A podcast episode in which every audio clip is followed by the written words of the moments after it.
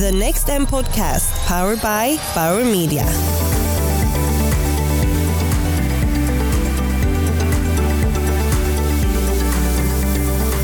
Välkommen till Next M's podcast som produceras tillsammans med Bauer Media. Jag heter Martin Hugosson och är VD på mediebyråkoncernen Group M. I den här podden får du träffa såväl internationella inspiratörer som nationella specialister inom marketing och tech. Jag sitter nu i Bauers Medias studio och framför mig har jag Dr. Wolfgang Hildesheim som arbetar på IBM. So welcome Wolfgang, thank you for joining the show. Welcome Martin. Uh, on stage, you talked about intelligent agents and how they have, during a long period of time, proven to be better than humans in one area after the other, such as chess, driving cards, uh, Jeopardy. Can you describe the evolution of AI from machine learning and deep learning for the listeners? Yes, I can do. Uh, so the technology of artificial intelligence is based on neural networks, and they got invented in, in the 50s and the 60s. But at that point in time, computers were slow, so you could not calculate all the needed things uh, to really get uh, some good re results. Today, we have very, very fast computer, a billion times faster than in, in, the 60s, and that's why you can use now this mathematics to uh, do intelligent tasks like recognize an object, do image treatment or speech to text like Siri. Everybody knows this from the iPhone that you can talk to your iPhone. So the sound of your voice is converting uh, uh, Uh, uh, to text. And this is a neural network, for instance, which everybody of us today is using, and that's possible by because computers are, are quicker and faster and better, and that's why it's it's a huge megatrend for the future. So, is, is deep learning an evolution from AI, or is it something completely new? So AI is a field, artificial intelligence, where we try to mimic and copy intelligent behavior with technology. And the subpart of this uh, space is machine learning, where actually machines learn and technology and software uh, acquires the capability to to learn about certain stuff. Uh, and most of uh, the projects today are assisted learning, so that the people, for instance, you and myself, we can we could pick a collection of your family photos, and then we could train image uh, algorithm, and then uh, uh, you would have a personal classifier to recognize important objects of you and your family in photos, right? And uh, so this is uh, a typical thing. When you say that you try to mimic intelligent behavior, is the definition of intelligent behavior sort of solely based on a human norm? Yeah, normally it's uh, what we would would call a, a complex task, and uh, technically uh, it's all about unstructured data. So uh, about language, uh, about text. In the last uh, 50 years, computers were all about structured data, where you really had, had numbers and certain words, well-defined words. Now it's about all these more unstructured data like images, videos, audio, and and that software can process this type of data. So um, neural network technologies, artificial intelligent uh, algorithm can process unstructured data, and this offers uh, new intelligent capabilities like uh, object recognition for visual services like speech to text for speaking, or like a chatbot, uh, so that you have the impression, impression that somebody is answering you uh, with, the with the message. So we all use WhatsApp, we all use messengers, and the automation of this process is a technology called chatbot. So you get uh, from a robot, you get an automatic generated answer, and if this is done very well, you, you, you are satisfied with the answer. So these are three typical use cases from AI-based services. Cool. So, at least in Sweden, we see a lot of companies trying to uh, launch AI as part of a learning uh, schedule or program. So they would enhance schools or be completely digitalized in how they teach or, or learn children or adults different tasks. Do you think that the children that are born now mainly will have an AI, an agent or a human teacher? Well, I think it's both, uh, and uh, the future of um, uh, the mankind uh, will uh, heavily be influenced by by the interface between machine and human being. And if we do, are doing this very well, it can be very helpful to teach, train, to learn things across the internet in a lot of areas. Um, outside the university, so this will be a very important um, thing. I've done some reading on sort of learning and, and teaching, and there are, of course, as in all fields, different philosophies. Um, but I think that the core is that different children react better to different uh, methods of, of learning. And I, I guess that an agent would be better suited than a human to adapt to different methods for different individuals. So, uh, do you dare to say sort of a year when an agent will be the primary teacher for seven-year-olds? No, I, I no, I think that a human teacher will be all, always the key, and that's what, what you need to have. Uh, and uh, then it depends on the character, as you said, and the capability of the kid, whether it's more a visual-oriented person, more uh, audio-oriented person. Uh, but look at the development of the last 20 years. 20 years ago, uh, nobody had the internet and we all looked in the lexicon and we wanted to learn.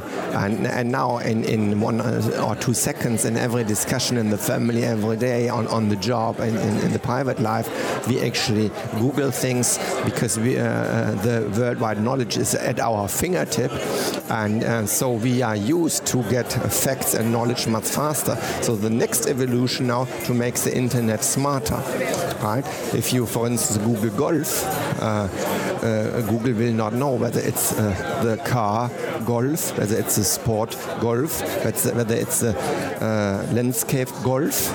and so this next le level of, of, abstraction of intelligence will be hooked onto the internet and then you can have a smoother, intelligent um, interaction with, with, data, with knowledge, and uh, in the area of education and learning, it will help uh, kids or students to learn. And you see that a lot of uh, internet um, universities are emerging.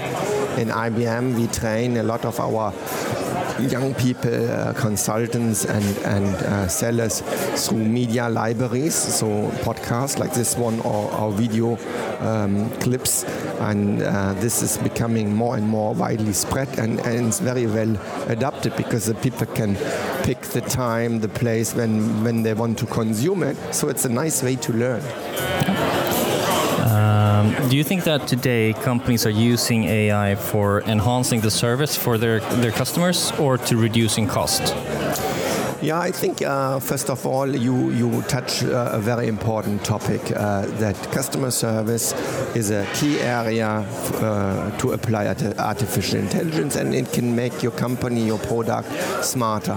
And in particular in Sweden, where you have highly educated people, you have very professional companies uh, with very nice products. Uh, you you sell, and you have a worldwide services and products like like Volvo, like IKEA like uh, all these very, very professional companies, they can use um, professional services to leverage their knowledge uh, and their product and their services on a, in a world, on a worldwide scale.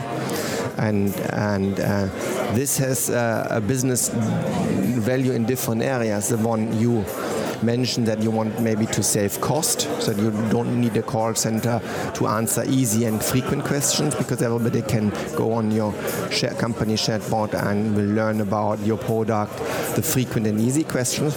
Uh, but then the call center agents can uh, focus on the complex ones, uh, and here the human agent is still important, and that's why this smooth transfer from from technology to the human agent is very key, right? And I think uh, Sweden is doing this very well.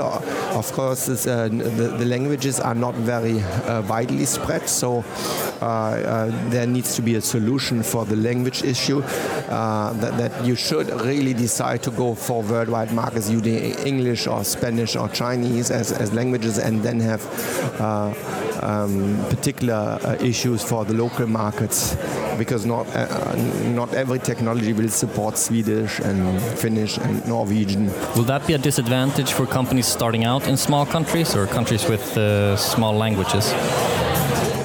Well, it, it's a disadvantage to use uh, certain technology like the Watson Conversation Service um, out of the box, which is supporting today German and, and English and, and, French and uh, Spanish, but not not Swedish. But but uh, uh you can in some parts uh, use translation services. So you build, a, for instance, let's say um, Volvo could uh, develop a customer service um, about the new car in English and then you translate the existing uh, chat technology in other in Chinese, and so you, you do not need to develop uh, the same service in all all type of uh, languages. You can automatically translate it, and that's one uh, one trend we see.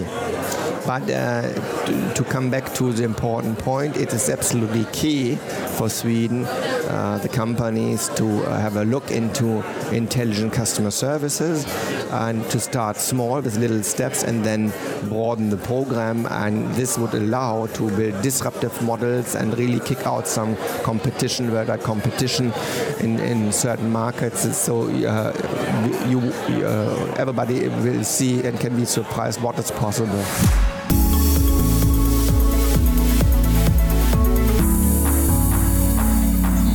Do you see any Swedish companies that you, would be a dream, dream project to work with? Uh, well, I think, uh, uh, for instance, uh, IKEA and uh, Lego are companies uh, with a worldwide reach and with typical issues you to build a certain uh, IKEA um, furniture uh, is a challenge in, in a lot of uh, companies. I, I built several of them myself, and you have this white paper, and then you need to follow, and sometimes you make a mistake. So probably these type of things can be uh, certainly um, improved, right? And, and, and same with, uh, with uh, Lego or um, other consumer-oriented companies. But of course, Statoil, uh, like uh, uh, Uh, the oil company, uh, with, uh, with huge oil rigs, where you really need to be in control of thousands of, th of pumps, temperature, pressure, in, in really rough water and weather. and this all is connected to the internet and, and to manage control and do this better and smarter is, is a, a worldwide megatrend, right? no doubt, billion dollar business. Yeah. So you mentioned Lego. I, I guess many listeners can relate to a consumer-oriented and uh, playful brand. How can AI help them?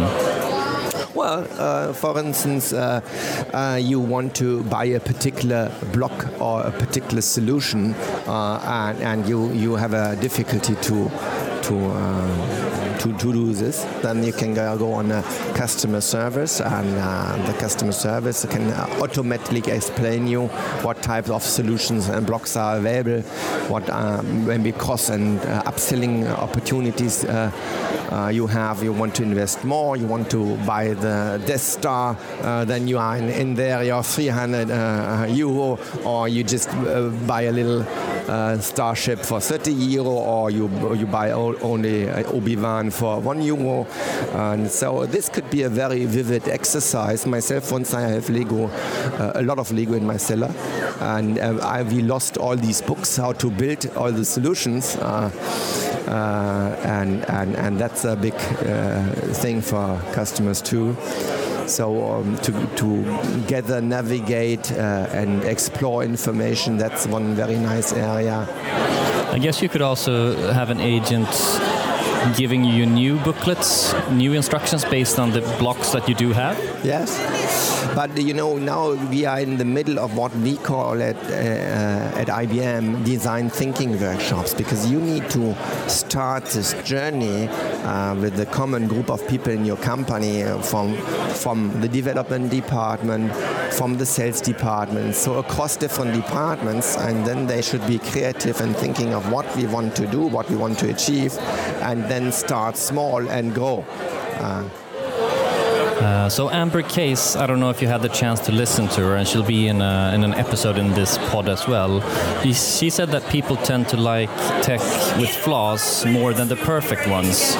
What's your take on an agent that sometimes make mistakes? Uh, that's uh, that's actually a, a very typical um, situation. Uh, for instance, chatbot, uh, the recognition of um, questions can be in the area of 70, 80, 90 percent, uh, uh, and all human beings make mistakes too. You, you never answer precisely a question. Same with image recognition. For instance, a radiolog, a, a, a doctor looking at a radio and looking for a breast cancer sometimes uh, the doctor is tired in the middle of the night. There, in these moments, an algorithm would have an advantage. Uh, algorithm is not uh, tired, is working in the night. Uh, but of course, very particular, very rare cases, the doctor, the human being, uh, probably has more experience. And, and so it, it's all about organizing a good way of a man-machine interface and improve jointly the way we work, the way we live. Yeah. So for me, running a market agency uh, with really smart people, how do you think we could use AI in our business?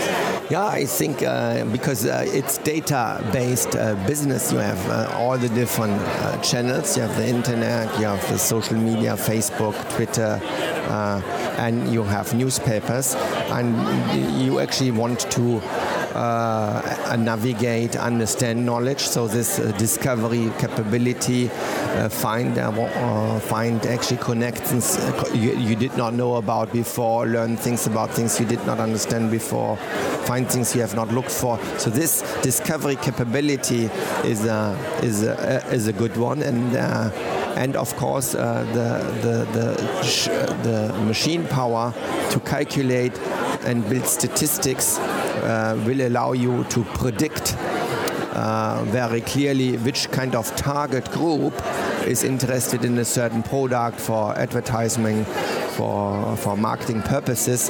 So this predictive capability is a uh, what we call an advanced analytics. So that you first build your target group, then you look what you want to sell or you want to market the product and, and then you build the correlation and you do, this in a mathematical way. So this capability, what we call advanced analytics prediction, is actually a very important one to show to your clients that scientifically you are doing much better than your competitor or what you can achieve or what you not can achieve.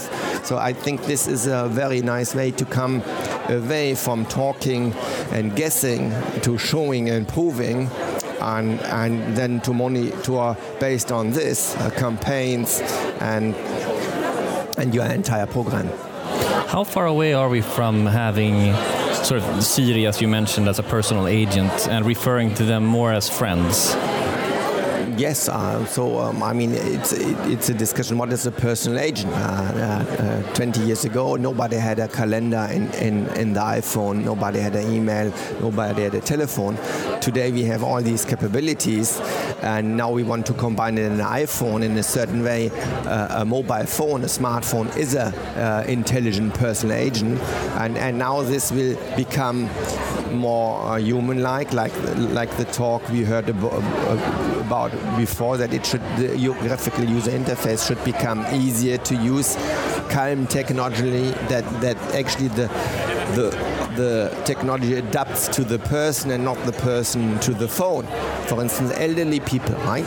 Elderly people need to have uh, large letters, uh, a good loudspeaker. My mother, she's 80, and I, uh, I, I, gave her five years ago an iPhone uh, 4 or 5. Now, now it's too small, so now I go on, on iPad, right?